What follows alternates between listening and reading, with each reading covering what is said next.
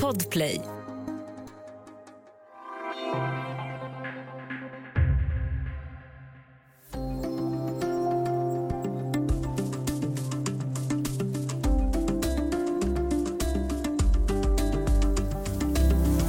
Den nya varianten av coronaviruset, omikron, som upptäcktes i Sydafrika har gjort att bland annat EU, USA och Storbritannien har infört inresandeförbud från sju länder i södra Afrika. Men varför väcker den nya mutationen så stark oro? Och hur påverkas Sydafrika ekonomiskt och politiskt av de nedstängda flygrutterna? Välkommen till Studio DN med mig, Ylke Holago.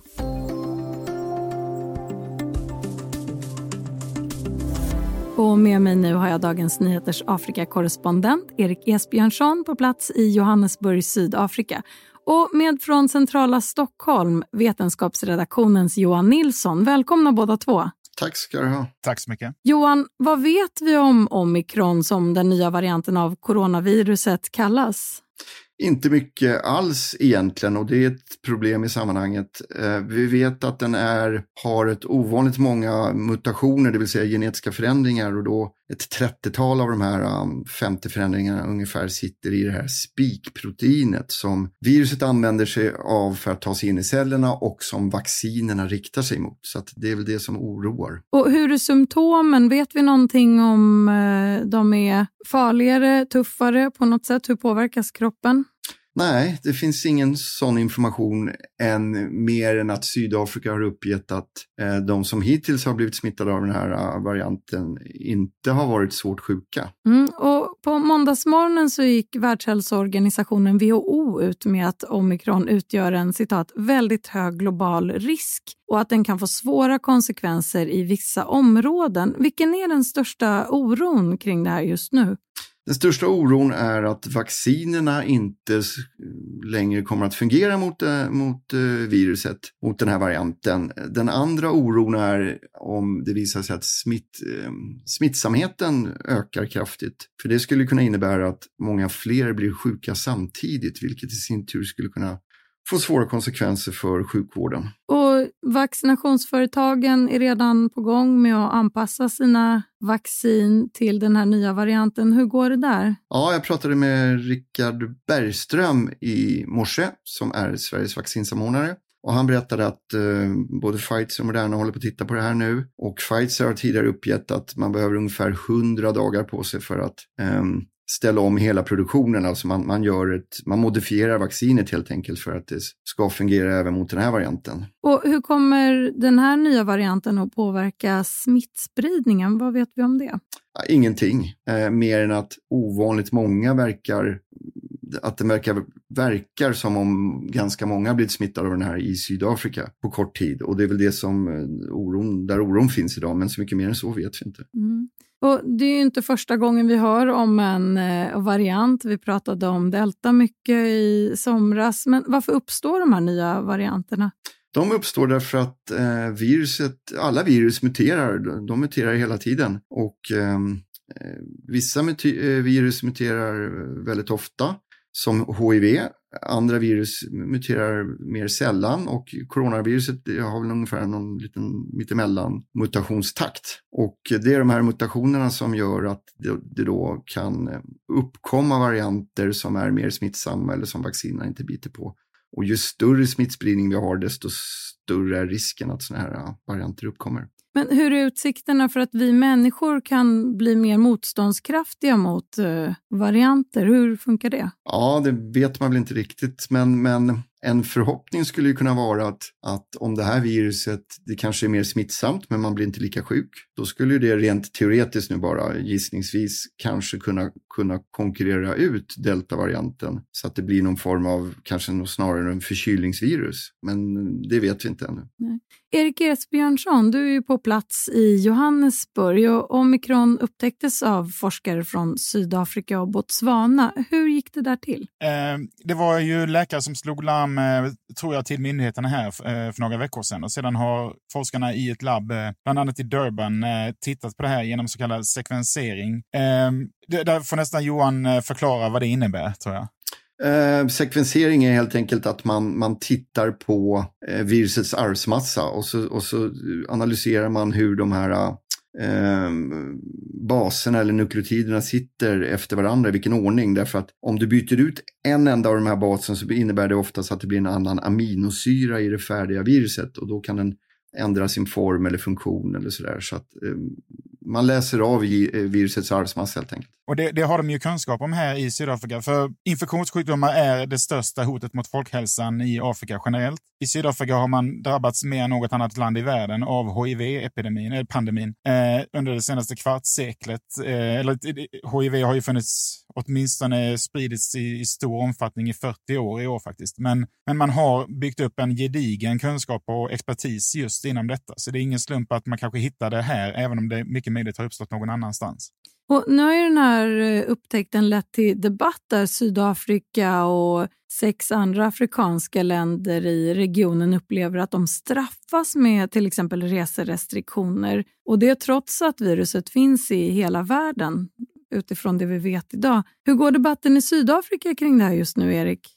Kortfattat kan man säga att eh, politikerna säger sig vara besvikna. Människorna här är riktigt förbannade. De, de är, det finns en stolthet över forskarvärlden här. Eh, man kan ha mycket åsikter om eh, hanteringen av pandemin, pandemin generellt från politiskt håll, men det råder ingen tvekan om att forskarna har gjort sitt yttersta och de har varit väldigt tidiga med att dela med sig av sina resultat och det, den omedelbara effekten var i princip att omvärlden dödade hela den eh, första högsäsongen för turismen som man hade sett fram emot eh, under två års tid. Så att om man, om man drar paralleller till hur det såg ut eh, i relationen med, mellan omvärlden och Kina i början av den här pandemin, då anklagades ju Kina för att mörka väldigt mycket och inte alls vara så snabba på att dela med sig av resultat just av ekonomiska skäl eh, och kanske även allmän prestige. Eh, och nu när Sydafrika då gör allting rätt och ett globalt föredöme som utrikesminister Antony Blinken i USA sa om sydafrikanerna, så får man detta istället. Så att här undrar man ju också, vad är det för incitament? Vad skapar man för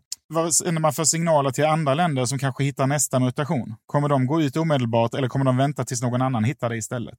Det påminner lite grann om, om Storbritannien och eh, alfa, alfa eh, eller beta. Ni blir osäkra, men den här som kallades för den brittiska mutationen. Där reagerade också länder med inrese, inresande förbud. Ja, och Sydafrika drabbades ju i somras av stora protester och upplopp och plundringar där fattigdom och ilska över inhemska restriktioner uppgavs vara en av flera faktorer som drev på de här våldsamheterna. Erik, hur påverkar det debatten just nu tror du? Egentligen tror jag inte att de här protesterna som vi såg i vintras, från mitt perspektiv, eh, jag tror inte att det är, det handlar inte om direkt missnöje med, det, inte, det var inte protester mot restriktionerna som vi har sett i Frankrike och så, utan det, det var snarare ek, den ekonomiska misären som hade skapats av lockdowns. Och man kan väl säga att, för att använda en analogi, liksom att den sydafrikanska ekonomin hade underliggande faktorer, men den dog med covid. Det, det var otroligt hårt slag när man stängde ner landet och, och den här misären, allting kulminerade på en enda gång i juli. Så att det är med det i åtanke som Ramaphosa den här gången, även om hela världen eh, liksom hamnat i något nytt panikläge på grund av den här mutationen, så går Sydafrika vidare utan att höja restriktionerna alls i princip. Däremot ska man börja utreda vaccinpass och sådana här saker, men men Sydafrika går på. För att Ramaphosa vet om att det här är liksom tiden på året när sydafrikanerna skulle hämta igen lite vinster, men det har de inte haft chansen till. Så att det är oerhört känsligt just nu att komma med restriktioner. Vi ska ta en kort paus och sen prata vidare om hur Sydafrika påverkas av oron för den nya coronavirusvarianten omikron. We are deeply disappointed. Now, these restrictions are completely unjustified and unfairly discriminate against our country and our Southern African sister countries. Vi är djupt besvikna. De här restriktionerna är helt obefogade och diskriminerande mot vårt land och våra afrikanska systerländer. Ja, så sa Sydafrikas president Cyril Ramaphosa i ett tal till nationen i söndags. Och Han menade också att de hastigt införda reseförbuden drabbar Sydafrika på ett sätt som går emot överenskommelser på G20-mötet som hölls nyligen. Erik Esbjörnsson, vad menar Ramaphosa? Han, som han säger, han är besviken. Jag tror att någonstans är han lite besviken på sig själv också. För Ramaphosa är en uttalad, eh, vad säger man, multilateralist. Alltså han, han tror ver verkligen på det internationella samarbetet. Det har att göra med hans långa historia inom fackföreningsrörelsen och inom ANC under frihetstiden, där han hade starka kopplingar till omvärlden. Han, han vill gärna tro att internationella samarbeten ska funka. Det funkade inte när det gällde Covax i början, där han hade lagt alla äggen i samma korg och litat på att vaccinen skulle komma därifrån. Sen fick han ändra plan och köpa in vaccin från andra håll också. Och nu är det då samma sak som händer här, att han har liksom räknat med att G20-länderna skulle leva upp till de här åtagandena när man sa att nu är det dags för att starta upp ekonomin och då måste vi skydda de fattigaste länderna i världen. Men återigen så såg vi hur precis alla länder i princip tänkte bara på sitt eget bo när det väl kom en ny sån här eh, panikattack i det globala systemet. Och det är det som Ramaphosa är besviken på, att ännu, ännu en gång så, så fallerade det internationella sam, samordningen. Kan man säga. Jag ska citera eh, dig från en helt färsk DN-artikel. Du skriver så här. Cyril Ramaphosa är ingen landsfader men han har fått en papparoll under pandemins prövningar. Eh, vad har det inneburit för Ramaphosa och förtroendet för det politiska toppskiktet i Sydafrika, Erik?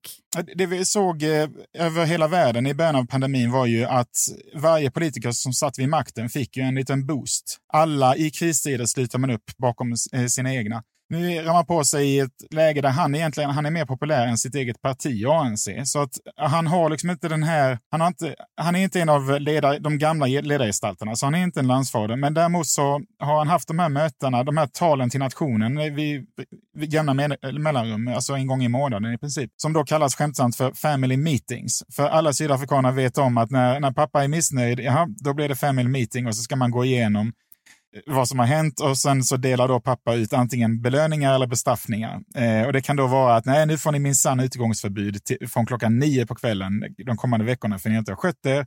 Eller om det då går bra i smittspridningen så får de lite mer flexibilitet. Liksom. Så att Family meeting, det är, det är ett känt begrepp i Sydafrika vid det här laget och det har ju definitivt stärkt Ramaphosa. Det som var intressant igår var just det här att han, han tog i ordentligt och verkligen riktade kritik mot omvärlden. Och då blev det också att han liksom, oavsett hur hård han kan ha varit under tidigare möten med familjen då, så försvarar han ändå sydafrikanerna mot omvärlden och det, det, det gick hem kan jag lova. Vi närmar oss ju årets slut. Det innebär sommar i Sydafrika och turisthögsäsong. Hur påverkar omvärldens reserestriktioner de drabbade länderna i södra Afrika ur ett turismperspektiv?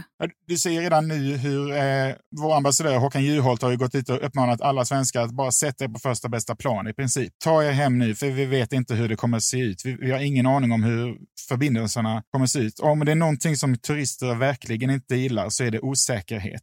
Turister, det, det, det, i, i andra delar av Afrika finns det ju backpackers som reser runt i Östafrika och Västafrika de har inga problem. De lever på väldigt liten budget och liksom kanske mer flexibla. Men barnfamiljer, medelklassfamiljer som kommer hit för att spela golf, de vill inte ha den där osäkerheten. Så att oavsett om besluten nu ändras under de kommande dagarna, när folk kanske inser att de var lite förhastade, så kan man nog utgå från att hela säsongen är i princip körd i botten. Och hur påverkar det alla som är beroende av turismbranschen? Ja, det här är ju hundratusentals människor direkt och över, över en miljon människor som indirekt är beroende av turismen. Och det, framförallt så är det ju eh, det är dollarintäkter också. Det är ju export, alltså, så att det, det, är otroligt viktigt för att, och även, det är inte bara liksom stora hotellkedjor som har rasat med 20 procent på börsen. Det är även små bed and breakfast-ägare, det är biluthyrningsfirmor, det är vingårdar, allting blir lidande. Så att det, det är ett hårt slag, för det var just nu man ändå hade tänkt starta upp någon form av säsong igen för första gången.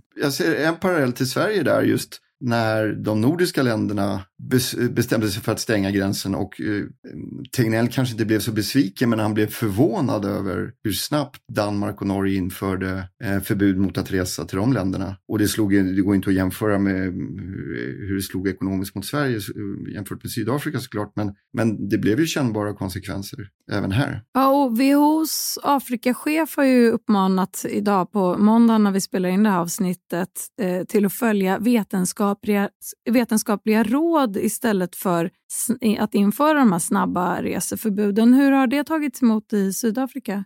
Jag kan inte säga att eh, det har fått någon större spridning eh, vad jag kan se. Däremot så är det en bekräftelse på att man känner att man, man hade rätt den här gången. Eh, sen så kan det ju mycket väl, vi vet ju fortfarande inte så mycket om det här, eh, om den här nya varianten som Johan påpekade i början av det här samtalet. Men, men än så länge så tyder ju väldigt mycket på att det var något av en överreaktion, inte minst för att det redan är för sent. Viruset har, eh, den här varianten finns redan över stora delar av världen.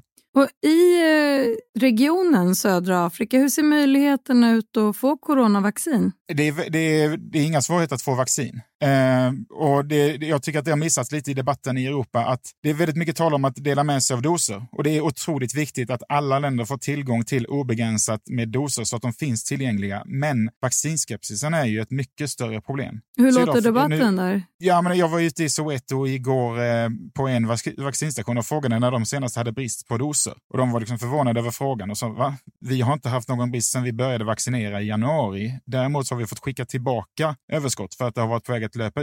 Så att det finns en enormt utbredd vaccinskepsis som, som handlar om liksom då, eh, sviktande förtroende för eh, institutioner och regering men även att låg utbildningsnivå och att man, det är ett väldigt fragmenterat medielandskap också, där folk får otroligt mycket, stor del av sin information, inte genom traditionella medier, utan via sociala medier. Det finns väldigt mycket missinformation. Så att vaccinet, det, det är jättebra att det finns på plats, men man måste öka ansträngningarna och regeringarna här måste hitta rätt talespersoner som kan, som kan användas istället för att få ut budskapet. Så att man pratar med kyrkor, man pratar med sportprofiler, med musiker, alla möjliga kändisar måste liksom vara ställföreträdande talesperson när det, eh, talespersoner när det gäller att få ut vaccinet. Det är det absolut viktigaste.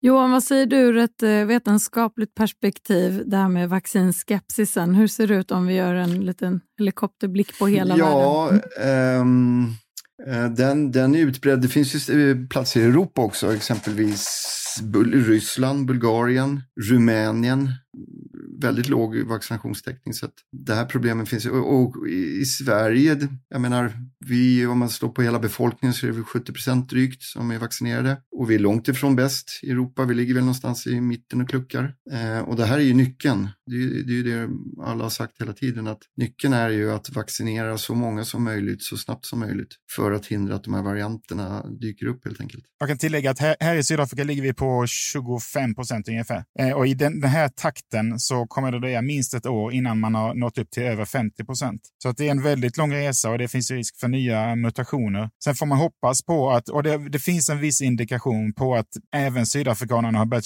känna att shit, det här viruset är fortfarande här. Vi måste nog börja tänka över det här med vaccination. Så att i bästa fall leder den här eh, paniken till att man faktiskt ökar vaccinationsgraden. Och ett problem när det gäller den här smittan är ju att man måste upp så oerhört högt. Man måste ju antagligen, det finns ju forskare som hävdar att det går inte ens att nå så högt för att nå, uppnå den här äh, flockimmuniteten då, då som hägrar. Eh, många länder i Europa har äh, högre vaccinationstäckning än Sverige men ser ändå en stor smittspridning. Så att det där är ett problem. Vi fortsätter att bevaka den här frågan men innan vi avslutar för det här avsnittet så ska ni båda få berätta kort vad ni håller ögonen lite extra på när det gäller eh, just den nya virusvarianten och eh, er, er coronabevakning den närmsta tiden. Johan? Um, ja, jag, man, i princip sitter man ju bara och väntar på mer information om själva viruset. Hur ser eh, smittsamheten ut?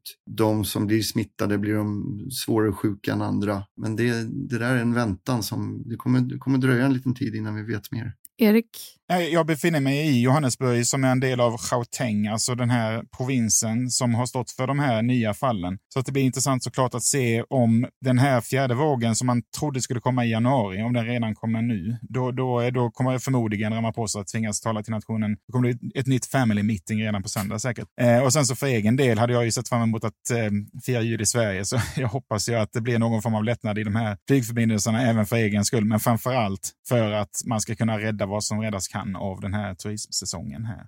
Tack så mycket Erik Esbjörnsson, Dagens Nyheters Afrikakorrespondent och Johan Nilsson, reporter på Dagens Nyheters vetenskapsredaktion. Tack. Tack, tack. Om du vill kontakta oss så går det bra att mejla till studiodn dn.se. Och kom ihåg att prenumerera på Studio DN där du lyssnar på poddar så missar du inga avsnitt.